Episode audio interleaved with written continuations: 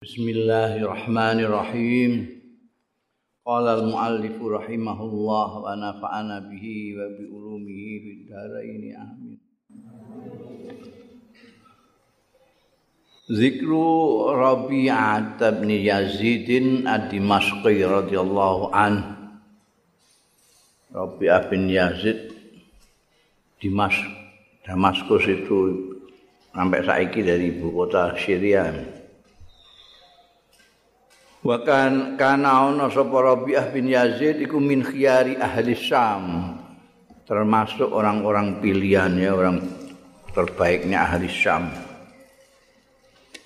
Qala Rabi'ah bin Yazid Ma'adzana ora azan sapa al muazzinu sing azan cara kene Bilal bisolati zuhri kelawan sembahyang zuhur. Mundu arba'ina sanatan. Sejak patang puluh apane sanatan taune illa wa ana. Kejaba wa ana kale utahi ingsun iku fil masjid dalam masjid. Illa an akuna kejaba yen to ana sapa ingsun iku maridon lara au musafiron utawa lelungan Ya, kalau tidak lelungan, tidak sakit, patang puluh tahun itu muazin sholat saya sudah di masjid. Orang nek kau kowe, nek kau mati sholat lagi belayu. itu di dalam masjid ngerungok nazan itu. Ya. Kala ahli tarikh ngendika sapa ahli tarikh kharaja Rabi'ah bin Yazidin miyas sapa Rabi'ah bin Yazid ghazian ale berperang nahwal maghribi. Menuju ke maghrib. Maghrib itu bagian utara paling barat di benua Afrika. Benua Afrika itu ada dimulai dari Mesir Libya, Tunis, Aljazair, Maroko, Maghrib paling ujung sana. Fi ba'sin ing dalam misi jadi di ada kiriman apa mengirimkan pasukan ba'asahu sing ngirim hu ing ba'sin sapa Hisam bin Abdul Malik Sam bin Abdul Malik ini satu raja dari dinasti Umayyah ya. Sam bin Abdul Malik. Dikirim sebagai pasuk anggota pasukan untuk ke Maghrib. Pakutilah mengko terbunuh ya Rabi'ah bin Yazid fi dzalikal ba'sing dalam mengkono-mengkono misi yang dikirim oleh Hisam bin Abdul Malik. Wafat dan memenuhi apa tugas sebagai salah satu anggota pasukan yang dikirim oleh Hisam bin Abdul Malik ke Maruk ke Maghrib.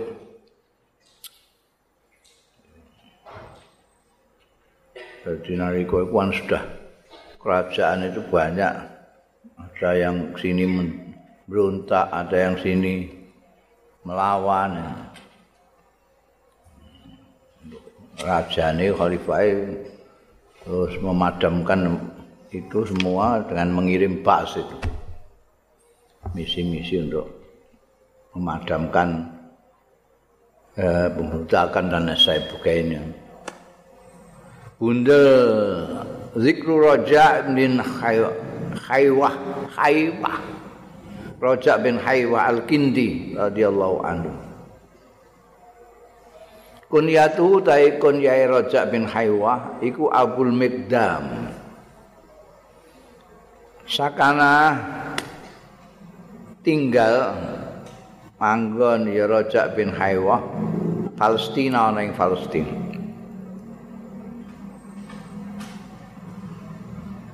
Wa kana min ubadi ahli Syam termasuk ahli-ahli ibadah ahli Syam.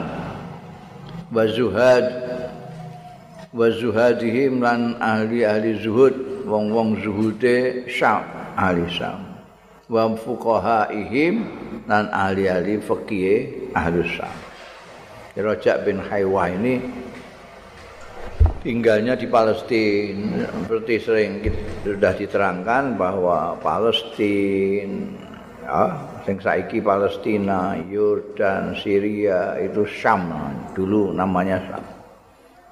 Sekarang ketambahan karena Palestina dijajah Israel, masuk Israel itu. Dulu Syam. Beliau ini Raja bin Haywa ini istimewa termasuk ahli ibadah ya iya. Orang zuhud ya iya. Ahli fikih juga iya. Biasanya ahli fikih itu enggak. Konsentrasinya kepada hukum-hukum agama saja biasanya malah gak cocok sampean zuhad be ubat itu. tapi ini beliau ini ya ubat ya zuhad ya termasuk fukoha Kala ashabut tarikh Ngendika sapa ahli sejarah, qala Hisham bin Abdul Malik. Hisham bin Abdul Malik tadi itu raja dari dinasti Umayyah. Turunane Muawiyah.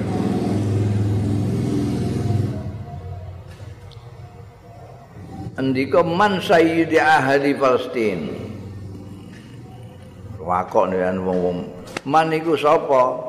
Sayyidu ahli Palestin pimpinane penduduk Palestin. Penduduk Palestin itu sapa pimpinane, pemimpinnya?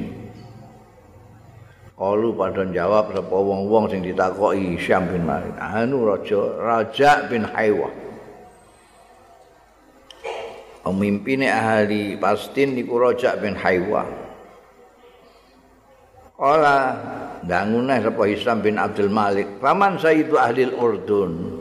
Iku sapa Sayyidu Ahli Urdun? Pimpinane masyarakat Yordania. Kalu jawab wong-wong ibadah bin nasi. Iki Yordan. Saiki kerajaan juga Yordan. Kala faman sayyidu ahli khimsa. Monggo sapa iku? Sayyidu ahli khimsa, pemimpin ahli khimsa. Ning Syria saiki. Kalu jawab wong-wong Amr bin Qais. Amr bin Qais. Kala saya takut meneh Hisam bin Abdul Malik. Faman sayyidu ahli jazirah. Iku sapa pemimpin ahli jazirah? Ya. Qalu Adi bin Adi Al-Kindi. Adi bin Adi Al-Kindi. Adi. Ad jenenge anake bapake padha. Adi Junior bin Adi Senior Al-Kindi.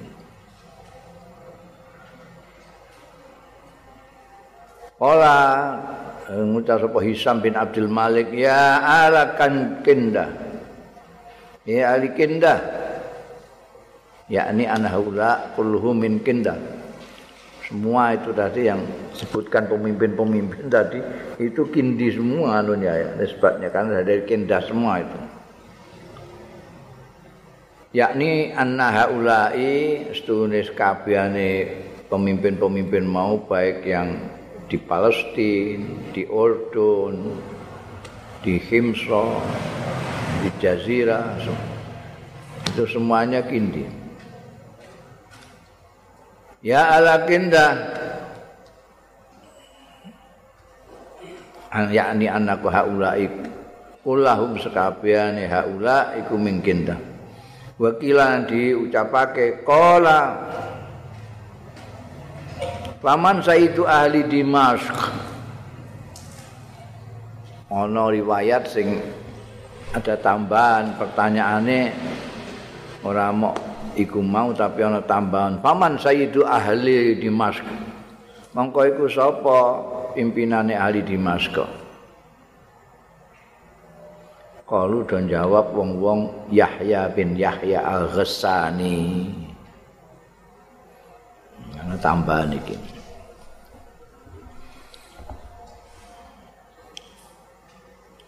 Nah, sing riwayat sing mau ora disebut Yahya bin Yahya karena memang yang disebut itu yang dari Kindah semua. Al Kindah. Bunal babuz zai. Bab za Zikru zazan Abi Amrin Al Kindi. Ini kin orang Kindah juga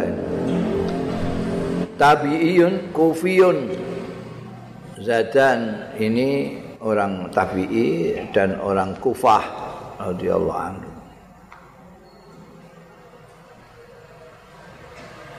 Ruya para wa ya iki kok akeh. Bener terus kamu iki biyen naskahku kaya naskahmu iku. Liru terus yang sing bener naskah iki saiki dikai naskah iki sing bener malah naskahmu. Piye kan? Eh Ya Allah. Rawa Ibnu Tam. Rawa nek ruwiya iku berarti mabni majul. Nek rawa iku fa'ile Ibnu Numair iki. Rawa ngriwayatake sapa Ibnu Numair, kala ngendika sapa Ibnu Numair, kala dawuh sapa Zazan tokoh kita ini nek ndonga matur ya Rabbi do pangeran kula ini setunggule kula niku jaiun lesu dadi nek lesu matur ning Gusti Allah. Ora ning wong Gusti kula lesu. Ngono iku muni ngono iku. Fasa kota mongko ceblok. Minar raunati saking rauna. Ada lubang ning kene ana istilahnya arsitektur itu ana sing sengaja ngene anu dikai view apa-apa jenenge kang. Jadi ada lubang di atap itu. Iku ceblok ning min rauzana. Sing ceblok apa? Raghifun. Roti. Misal raha sepadane gilingan jadi plak plak plak plak. Raha itu gilingan nggiling anu mubeng ceblok pok mubeng ceblok pok jadi gitu. Pok pok Mak muni Rabbi ini jayun dong. Wah, kowe nek mandi kaya ngene bolak-balik mbok gua ya ini jaiun ya rob. Ketepak ketepok kae hmm. biyen sing terkenal ning kene iku Mbah Maksum Allah yarham Mbah Maksum Lasem. Nek dilapori wong pawon berasipun telas. Matur Gusti. Ya Allah Gusti beras telas terus laporan dilangsungkan kepada pembuat beras itu. Mesti laporan saya pawon beras sampai telas. Ya terus juk-juk ning pawon ana sing ngeteri gelangse-gelangse beras itu. Wah. Wah, iso ngono mbok gelangsar terus ae. Kunjulan jaluk ae. Oh, itu kudu istimewa ya, kudu istimewa rasa penumpang iso ngono ya kaya Imam Zazan ini. Wa qala Zazan Mangkara Al-Qur'an liyata akal bihi ja'a yaumal qiyamah wajhu azbun laisa alaihi lahmun. Medeni wong lho iki. Deni wong hati-hati kowe. Dawe Zazan ini. Man utahe sapane wong. Qur'an sing maca ya man Al-Qur'an ing Qur'an liyata akal bihi. Supaya bisa mangan. Sapa man bi sebab maca Qur'an mau? Jadi diku penggawe maca maca Qur'an. Ndulal dalil tujuane ora kok menyebarkan di sini Al-Qur'an tapi liyata akal supaya golek pangan. Wong golek pangan nganggo agama jaa yaumal kiamah. Engko bakal teko sapa man yaumal kiamah ana dina kiamah. Waju ora ana wawune neh ya wawune sik tak ya wis gak apa-apa nek iku. Waju kale utahi raine man iku azmun bualung tok laisa alaihi lahmun. Ora ana alaihi ing atase azmun apa lahmun daging eh? Tetekan. Wong sing menggunakan Al-Qur'an gunakno agama untuk cari makan. Hati-hati. Engko teko ning dina kiamat raine medeni wong ora ana daginge.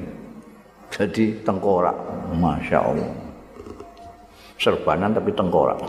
Medeni wong Wa qala Muhammad bin Juhada. Ngendika sapa Muhammad bin Juhada. Kana zazan tajiran Mangsamu terus seraan duwe penggawean. Kana ana sapa zazan iku tajiran pedagang. Kayak sekabat Abu Bakar, kayak sekabat Umar itu. Sayyidina Utsman mereka pedagang. Tapi pedagang istimewa. Fakana idza ja'a rajul mongko tetkalane maka ana mongko ana sapa zazan idza ja'a rajul tetkalane nekani ing jazan. Zazan sapa ar-rajul wong lanang arep tuku ambil beliau arahu mongko meruhake sapa zazan hu ing rajul syarat tarfaini ing elake pucuk-pucuke dagangane ku mau dadi ora mah ditutupi. Nek ana cacate terus dilempit-lempit. Ben sing tuku ora roh gak ngono dibuka kabeh. Iki ana cacate sithik niki. Jahitane kurang sae. Kandakno Kang. Memang, memang apa namanya kamu itu jadi apa saja. Itu iso derek lakune Kanjeng Nabi Muhammad sallallahu alaihi wasallam. Siapa pun kita itu, profesi apa pun itu dapat meniru kalau mau meniru Kanjeng Nabi Muhammad sallallahu alaihi wasallam. Karena Kanjeng Nabi itu jadi pedagang pernah, bahkan angon medus ya tahu. Angon medus tahu. Pedagang tahu. Jadi suami, jadi pemimpin, agama, jadi penguasa negara, jadi panglima perang. Kowe saiki apa jadi apa? Angon wedhus. Sing temen kaya Kanjeng Nabi Muhammad sallallahu alaihi wasallam angon wedhuse wong. Jadi apa pedagang sing jujur. Ora ora nek ngantek kowe bangkrut nek kowe jujur. Apa andakno? Niki kedaluwarsa pun wingi kedaluwarsane nek dipaksa dikonsumsi nggih. Rada mboten sae oh kandakno ora kok ditutup-tutup. Dodol sarong jarik dudohna pucuk-pucuke. Niki niki niki. Anune kurang apik Mane apa jenenge biyen saudagar besar Quraisy itu Sayyidatina Khadijah Al-Kubra duwe karyawan Kanjeng Nabi Muhammad sallallahu alaihi wasallam senenge ra karuan. Barokah buatine akeh padahal Kanjeng Nabi jujur setengah mati. Jadi keliru nek pedagang pikirannya kalau jujur nanti enggak laku, eh, salah. Jadi, niru bener. Jadi suami niru kanjeng Nabi, kanjeng Nabi memuliakan istri, istrinya dimuliakan. Jadi pemimpin agama itu kanjeng Nabi menunjukkan kepada siapa ini tingkatannya PAUD, ini tingkatannya masih TK, ini tingkatannya sudah SD, tingkatannya sanawiyah, ini tingkatannya perguruan tinggi. Kanjeng Nabi Dawi mereka masing-masing tidak sama. tidak pukul rata. Karena orang itu bermacam-macam. Jadi dai pemimpin.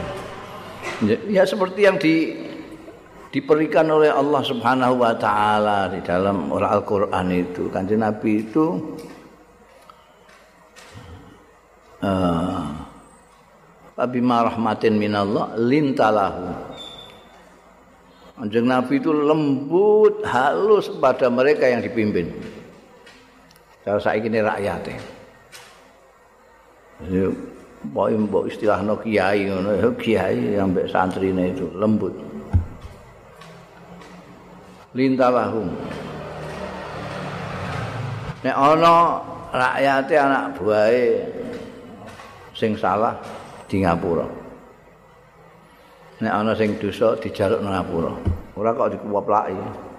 Ya. Jadi panglima perang nang ngarep dhewe. ana sing keder rada wedi melihat Kanjeng Nabi begitu berani mereka ma maju jadi kepala negara semua disantuni dengan baik. Hak-haknya rakyat semua dipenuhi semua. Iya. Ini jadi pedagang. Zazan ini juga meniru kanjeng Nabi Muhammad SAW. Wa qala fi qauli ta'ala lan dawuh sapa Zazan ing dalem nafsiri dawuh Gusti Allah taala ing dalem dawuh Gusti Allah taala. Wa inna lil ladzina zalamu azaban duna walakinna aktsarahum la ya'lamun. wa azabul qabri tafsirnya beliau wa inna lil ladzina zalamu lan stune iku kedue wong-wong sing zalim ya alladzina azaban ana siksa neh duna zali kaliyane iku.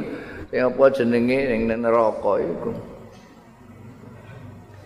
Walakin aksar mangin tapi nakakai alladzina iku layak lamun. Mereka tidak tahu. Ada azab yang lain selain azab yang diancamkan kepada mereka.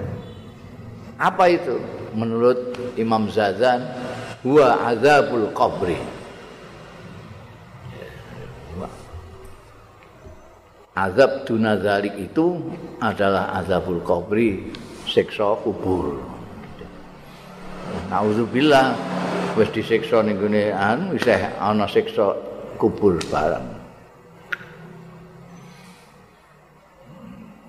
Lah kok ana sing muni ora ana siksa kubur. Lah wis dikandakno niki ne aksaruhum layak lamun. Akeh sing gak ngerti apa meneh wong saiki. Biyen Bunda Zikru Zir Zir ibni Khubaish Kufiyun Zir bin Khubaish ini orang Kufi. Kunyatuhu tai kunyai zir iku Abu Maryam radhiyallahu anhu. Kala Asimun ngendika sapa Asim kana zir min a'rabin nas. Ana sapa zir bin Hubais iku min a'rabin nas termasuk luwih ngerti-ngertine tentang Arab pe manusa. Min a'rabin nas iku. Ora kok luwih Arab-arabe manusa. Artine luwih Arab-Arab manusa itu ahli bahasa Arab, ahli budaya Arab, ngerti tentang Arab. Paling top rezir itu. Wong kana Ibnu Mas'ud ana sapa Ibnu Mas'ud radhiyallahu anhu yas'aluhu iku ngantek dangu sapa Ibnu Mas'ud ing zir anil di tentang bahasa Arab. Jadi kalau ada soalan Arab itu yang ditanya oleh Ibnu Mas'ud adalah zir. Ada zir itu tabi'i. Ibnu Mas'ud itu sahabi. Jadi bisa jadi itu muridnya. Tapi ini orang bahasa Arab ditakokno zir. Piye iki bahasa Arab ini? Cara Arab bahasa Arab itu kan sangat kompleks sekali, kompleks. Budaya Arab juga kompleks sekali. Ini ana ahline dhewe iku nek.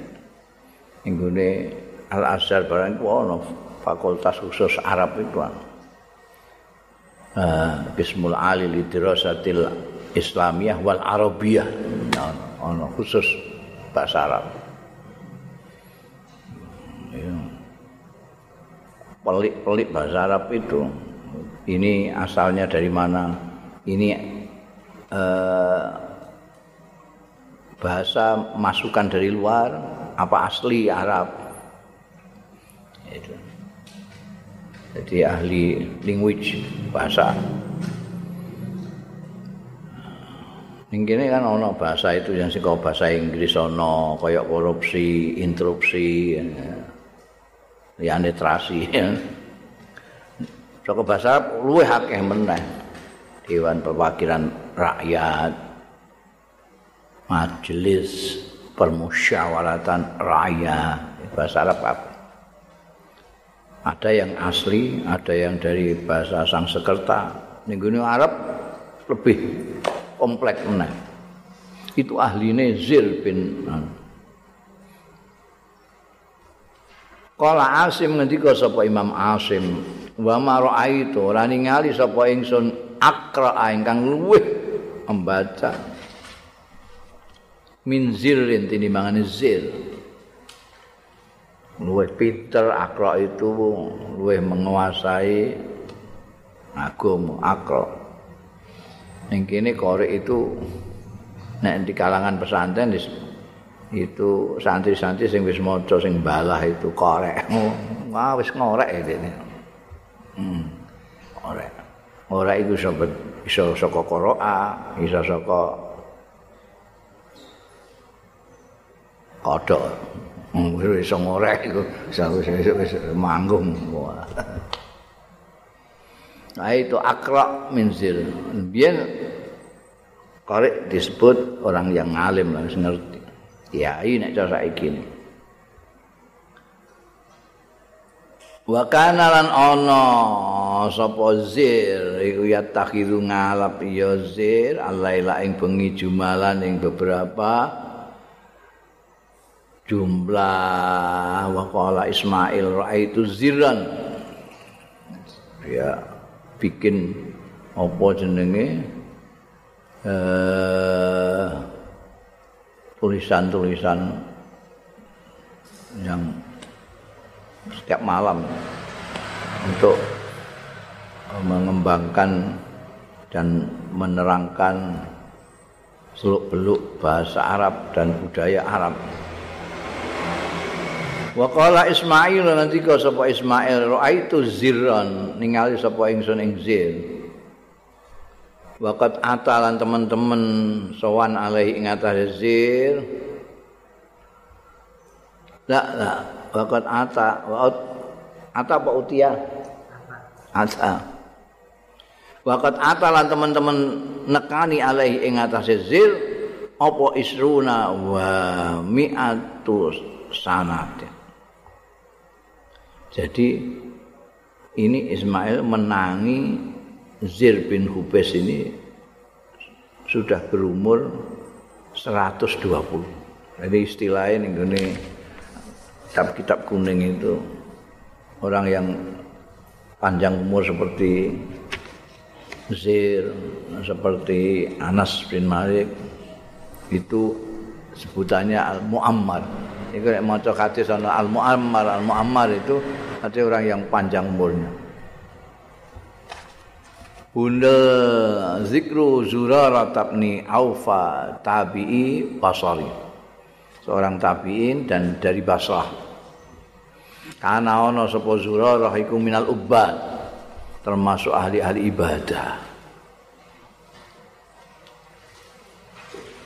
Wa qala dawu sapa Abu Janab.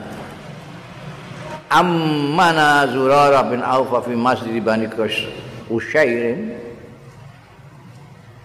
ngimami ing kita sapa Zurarah bin Aufa fi Masjid Bani Kusair ing dalem Masjid Bani Kusair falamma balagha baca ayat baca surat al falamma balagha bareng temeka iya zurarah ing ayat faiza nukira fin nakur antet kalane disebul fin nakur ing dalam trompet waktu kiamat.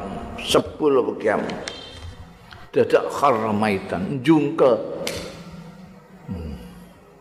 sapa zurarah mayitan hale kapundhut radhiyallahu anhu.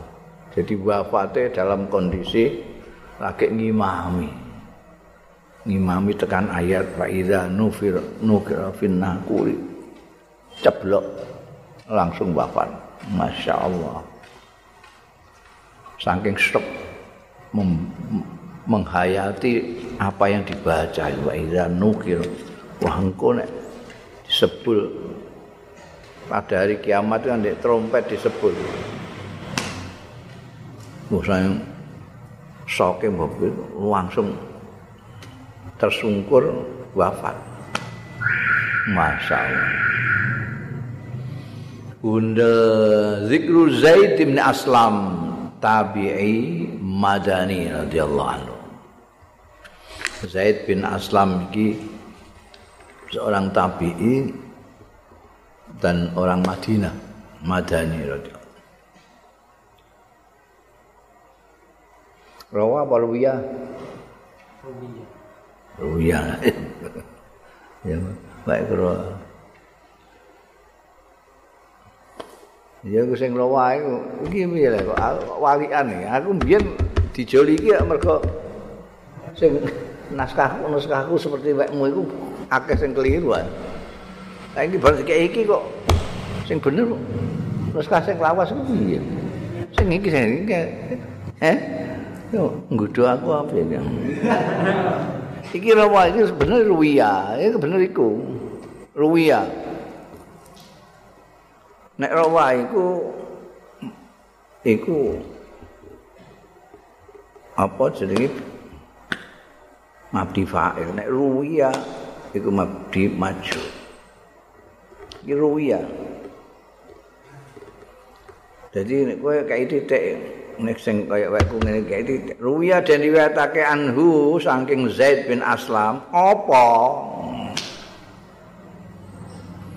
nek ro aku duwe nek faile. Gak ana faile dadi ruwiya.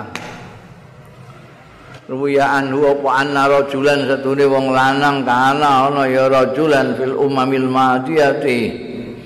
Ing dalem umat-umat sing dhisik yajtahidu tenanan ya rajulan fil ibadati ing dalam ibadahe wa yusaddidu lan menake keras ala nafsi ya rajulan ala nafsi ing atas awak dhewe ini rajulan. Tapi wa yukannitun nas. Iya hati-hati kowe. Wae yukon itu itu bikin orang putus asa. Mereka latak natu aja putus asa. Ikon itu iki gawe wong putus asa. Anasa ing manusa min rahmatillah saing rahmati Gusti Allah. Wah, wis ora iso di ngapura diapur ngono kelakuanmu koyo ngono. Sesat kowe iki wis ora kejanam kowe. itu yukon itu nas min rahmatillah Gusti Allah itu rahmatnya wagungnya gak karu-karu tidak bisa tidak bisa kamu membayangkan rahmatnya Gusti Allah tidak bisa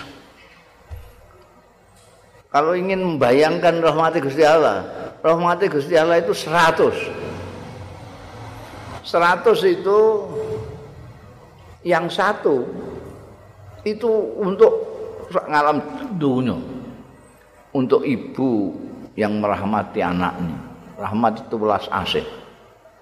Belas kasihan. Ibu rahmat kepada anaknya. Suami rahmat kepada istrinya. Sampai kepada kuda merahmati belunya. Itu semua dari satu ini. Satu rahmah yang seratus tadi. Jadi, jika sitok didum ibu-ibu untuk anak-anaknya, induk-induk untuk anunya itu. Rahmat di antara manusia satu. Yang 99 ini Gusti Allah sendiri pemiliknya. Nah, Rahman, Ar-Rahim. Lah kok ya ustad sing membuat orang itu tidak punya harapan terhadap rahmat Gusti Allah. Wes iso. Kamu itu tidak bisa. Minta ampun gimana? Dosamu dosa besar sekali itu. Kelakuanmu itu pokoknya tidak bisa. Ini penggawaan ini sing diceritakan. Jadi dia itu ahli ibadah. Ahli ibadah buat ingat wireng. Oh, sujudnya mbah pirang anu suwene nganti ireng ngono. Wong gak digosok-gosokno ora iso ngono iku. Wah ibadah. Itu ajtah itu wah mau ngempeng tenan. Wah bisa itu itu mengerasi dirinya sendiri. Bagaimana supaya dia itu menjadi paling ibadah. Tapi sementara itu kepada orang lain dia itu menutup harapan orang mengharapkan ini gimana saya ini begini-begini. Wah, Mas, sudah tidak bisa, tidak bisa. Tidak bisa. Kalau saya tobat, ah, mas, tobat itu yang, yang dosanya sedikit-sedikit aja. Kalau dosa seperti sampai, oh tidak bisa. Pono sing nangis. Biyen itu ada kawan, asalnya orang kawan yang ini seorang tokoh jurnalis. Dia mau naik haji. Naik haji dia punya tato di sini. Pakok kiai kiai ustad ustad sak Jakarta yang dia kenal gimana ini? Wah Raisa, tidak bisa. Tidak bisa, ini kan kamu harus mandi, harus wudhu, harus segala macam. Nah, itu menghalangi masuknya air ke situ. Padahal ini daftar haji. Sudah mau berangkat. Wah susah. Saya karuan. Akhirnya hubungi saya. nangis-nangis karena ini iso gak sido nek ngene iki. Karena fatwa semua kok mengatakan tidak bisa. Eh, tak kandani. Gusti Allah itu terlalu besar untuk ngurusi tatomu aku. Wah, senenge ra karuan terus mau kaji, terus dadi kanca. Ya ngono iku iku iku jenenge yukon itu nas ya. Jadi orang itu tidak dikasih harapan-harapan rahmati Gusti Allah, tapi diweden-wedeni kejemi Gusti Allah. Wong iki mau rajulan iki mau yang diceritakan oleh Zaid bin Aslam ada orang ahli ibadah nemen eh, tapi dia tidak memberikan harapan kepada orang-orang tentang rahmat Gusti Allah. Cuma mata. Hari-hari mati sapa rajul mau. Fakola mongko matur rajul mau ning Gusti Allah. Irom. Duh pangeran, mali indaka. Niku napa li kedue ingsun indaka wonten ngasop panjenengan? Wah karena beliau merasa anu ibadah tekun anune njungkunge masyaallah. Jadi tak kula hmm, entuk napa ngono entuk napa saking panjenengan Gusti. Jawabe Gusti kala dawuh sapa pangeran anal kowe entuk neraka Kala ya Rob, matur rajul mau ya Rob, duh pangeran, aina ibadati. Lajeng wonten pundi ibadah kula ingkang mempeng rumin menika. Wajtihadi lan tenanan kula nika sengkut kula ibadah terus teng pundi, mboten dihargai. Pakila mongko dingendikake lahu marang rajul. Innaka setune sira iku tukad nitun nas. Wah, iku bahaya kowe ya, kowe nek pinter sithik terus mlete aja ngantek. Mulane nek durung pinter tenan rasa tampil ndak. Nah, bahaya. Tukon itu nas, mbayani ning awake dhewe mbayani wong akeh. Wong-wong terus dadi putus asa. Orang sing wis arep tobat gak sida mergo putus asa diweden-wedeni. Kula niku biyen ngibadahe kaya ngoten. Terus teng pundi niku ibadah kula, sengkut kula anggen kula ngibadah. Kowe iku tukang itu nas. Menutup harapane wong-wong min rahmati saka rahmat ingsun iku sing. Mulane fa'ana mongko panjenengan ingsun, mongko utahi panjenengan ingsun saiki ukon nitukah al yaum. Saiki aku menutup harapanmu al yaum dina iki min rahmati saing rahmat ingsun. Wong kowe gawene ini penting ini. Jadi lihat ini. banyak sekali dawuh-dawuh atau riwayat-riwayat bahwa Gusti Allah itu sangat menyintai hamba-hambanya. Jadi tidak cukup kamu itu baik sama Allah tok tapi jahat terhadap hamba-hambanya tidak bisa. Harus. Itu kan ada hadis kursi yang mengatakan, aku sakit kamu nggak tilii. Aku lapar nggak kamu kasih makan. Gusti Allah kok ngendika ngono kuwi. Aku sakit artinya ada hambaku yang sakit kamu tidak tengok. Ada hambaku yang lapar. Tapi dinisbatkan beliau aku sakit. Aku lapar. Itu begitu sayangnya Allah Ta'ala pada hambanya. Mulanya salah kaprah. Orang yang kepingin untuk rahmati Gusti Allah tapi tidak merahmati kepada hamba-hambanya kejem kepada hamba-hambanya memfonis hamba-hambanya kuala ira karuan nembean kawulane Gusti Allah saya sering mengatakan orang-orang yang mencium hajar aswad ngikuti orang itu itu aneh karena dia mencium hajar aswad itu kan untuk mencari ridhonya Gusti Allah Lah bagaimana mencari ridhonya Allah Gusti Allah tapi mengikuti hamba-hambanya? Tidak masuk akal. Dan memang tidak masuk akal mereka, nggak terpikirkan. Ini coba, karena kamu menutup harapannya orang terhadap rahmatku, maka sekarang aku menutup harapanmu terhadap rahmatku. Membalas perlakuan orang ini terhadap hambanya yang mengharapkan rahmat Gusti Allah ditutup oleh dia. Ora iso. Wajemira karuan iki manusa. Jam. Ini penting. Ini udah eling-eling terus. Orang soleh itu orang yang baik dengan Allah dan baik kepada hamba-hambanya. Salah satunya kurang. Kowe apik karo wong tapi ora apik karo Gusti. Ora. Apik karo Gusti Allah, hamba-hambane mbok zalimi. Tak bisa. Kowe menutup harapannya orang ini kejahatan itu. Wong balasannya nar. Padahal ini siapa orang itu? Ini ahli ibadah. Yang sampai apa namanya usad di nafsahu. Usad di nafsahu itu mengerasi dirinya sendiri hanya untuk nyembah Gusti Allah. Itu saja dikasih enar oleh Gusti Allah. Gara-gara tidak memberikan harapan kepada Allah.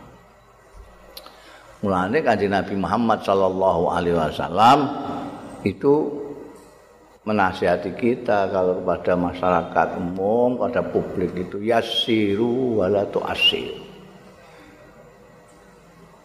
Berikan yang mudah-mudah, jangan mempersulit. Berikan mereka harapan. Basiru balatukan itu. Berikan mereka harapan, jangan menutup harapan orang.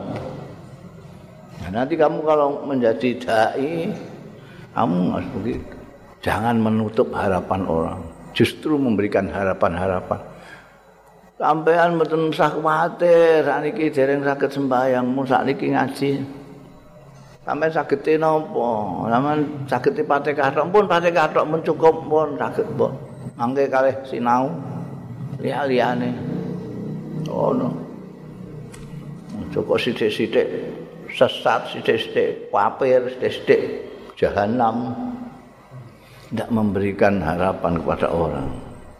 Kan basiru yasiru wala tu'asiru basiru kasih kabar gembira benar wah wah Anjing Nabi nek kamu melihat sikapnya Anjing Nabi kepada orang-orang yang tanya itu kemarin kan ada yang tanya kalau saya sholat tok terus poso nggih poso ya sholat sholat atau niku pun sakit mlebu swarga. Bisa iya memberikan harapan kepada orang. Tidak malah menutup. Wa qala Zaid bin Aslam. Nanti kau sapa Zaid bin Aslam? Tokoh kita ini. Sakana rajulun al maqabir ana sing tinggal manggon sapa rajulun wong lanang al maqabir ing pira-pira kuburan. Ning kene anu pindah kuburan kono pindah gawe kemah turu ning kuburan. Fa utiba mongko dipaido ya rajul wong kok manggon ning kuburan iki apa? Gak wedi apa? Kumpul ambekan kuburan kuburan mati wong mati ora dilokno lah. Pak Utiba di Paido di Pakola mongkon jawab sapa rajul Lho ning kuburan kena apa? Iku jira nusitkin tangga-tanggaku jujur kabeh. Ora ana sing bodho.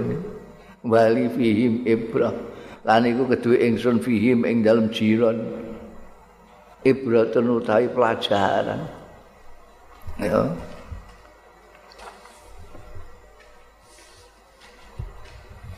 Jadi mulanya biyen kaya Gus Dur bang sering ning kuburan. Ora manggon ning kuburan tapi sering ning kuburan. Alasannya ya padha. Wong kuburan iki iku mulai biyen, biyen ana Syekh Bahlul. saking nutupine kewaliannya sampai saiki balel dinggo omong-omongan wong dinggo ngeguyu wong orang kalau rada piye ngono dinggo balul kamu dinggo misai wong. Padahal balul itu seorang wali min auliyaillah zaman Harun Rasid iku ya ngono manggone ning kuburan.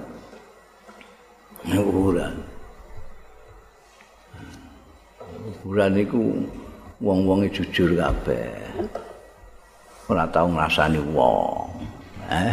Ora tau ngrasani meneng, mbok sengeni ya meneng ae. Apa-apa ana meneng ae.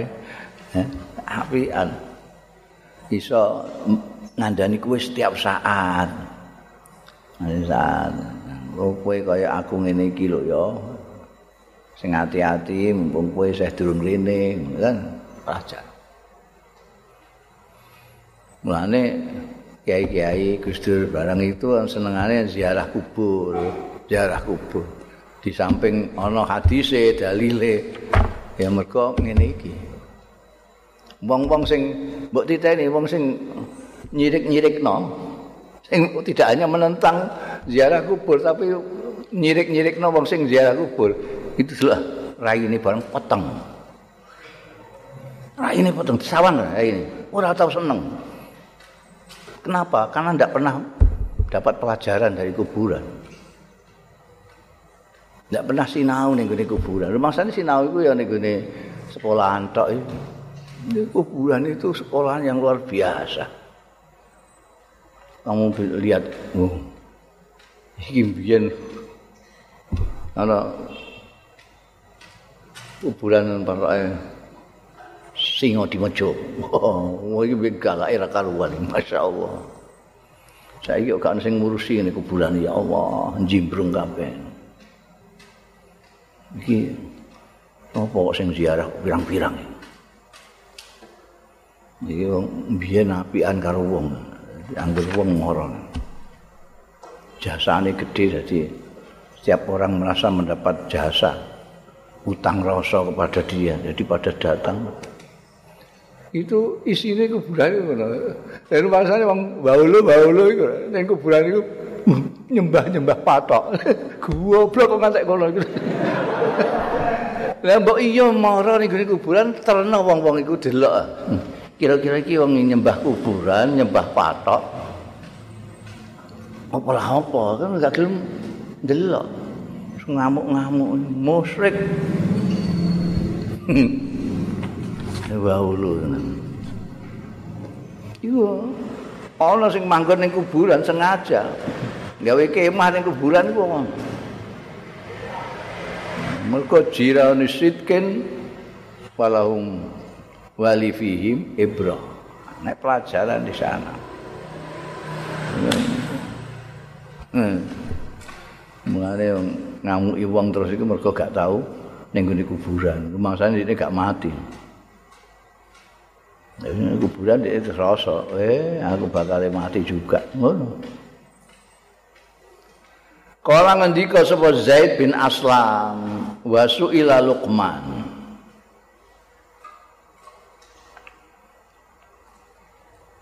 Luqman Al-Hakim, sang bijak Luqman ditanyai orang, "Ayu amalika ausak fi nafsik?" Utawi endi ngamal sampean ausaku sing luweh dipercaya fi nafsika ing dalem awak dhewe panjenengan. Sing jenengan yakin amal jenengan saged nyelametaken jenengan paling yakini. Napa? Kala jawab sapa Luqman tarku malayakni ninggalake barang sing ora maedai ya ing ingsun aku iku sing paling yakin tentang apa yang saya lakukan adalah saya tidak pernah melakukan sesuatu yang tidak berfaedah untuk saya. Aku meninggalkan semua yang tidak berfaedah untuk saya. Kalau nggak ada gunanya untuk saya, ngapain saya lakukan? Ngobrol ambekan wong-wong pintu ngulang apa? Main game apa? Sing guyu berarti tersinggung ya. Undal babusin. Babsin. Zikru Sa'id bin Musayyib bin Hazm Al-Mahzumi Al-Qurashi radhiyallahu anhu. Kita sampai ke tokoh besar dari tabi'in Said bin Al-Musayyib. Kalau sering maca kitab-kitab ini akan ketemu dengan nama ini. Orang tokoh besar. Kalau Basrah punya tokoh besar Al-Hasan Al-Basri, Madinah punya tokoh besar Said bin Al-Musayyib. Ini tokoh besar disebut alamu alimil Madinah. Orang ngalim-ngalimi orang Madinah pada zamannya. Jadi pada ini beliau ini hidup sekurun dengan Al Hasan Al Basri. Al Hasan Al Basri di Basrah, beliau di Madinah.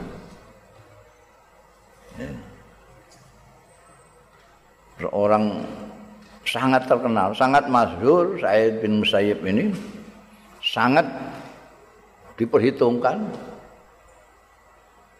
Dan pemegang prinsip yang kuat sekali. Pemegang prinsip yang kuat sekali. Karena itu tokoh yang sangat disegani Said bin Al-Musayyib. Sampai namanya saja dibicarakan pakai berjilid-jilid kitab Al-Musayyib apa Al-Musayyab? Itu sampai dibicarakan ya Said bin Musayyib bin bin Khuzn al-Mahzumi al-Qurasi. Jadi orang Quraisy ini. Ini orang Quraisy kemarin-kemarin ada yang Basor, Basori, ada yang Kufi, ada yang, ya. Ini Quraisy. Orang Quraisy. Orang Quraisy. Apa namanya? Banyak kitab-kitab yang khusus dibuat disusun untuk biografinya Said bin Al-Musayyib. Mungkin yang nanti ini banyak sekali. Ya, nanti akan seperti Al Hasan Al Basri penuturannya di kitab ini juga akan banyak sekali karena ini memang tokoh besar. Yang dia mungkin hanya dua baris tiga baris. Belum nanti penghentikan penelitian segala macam banyak dikutip oleh ulama-ulama belakangan. Kunyatuhu Abu Muhammad wallahu alam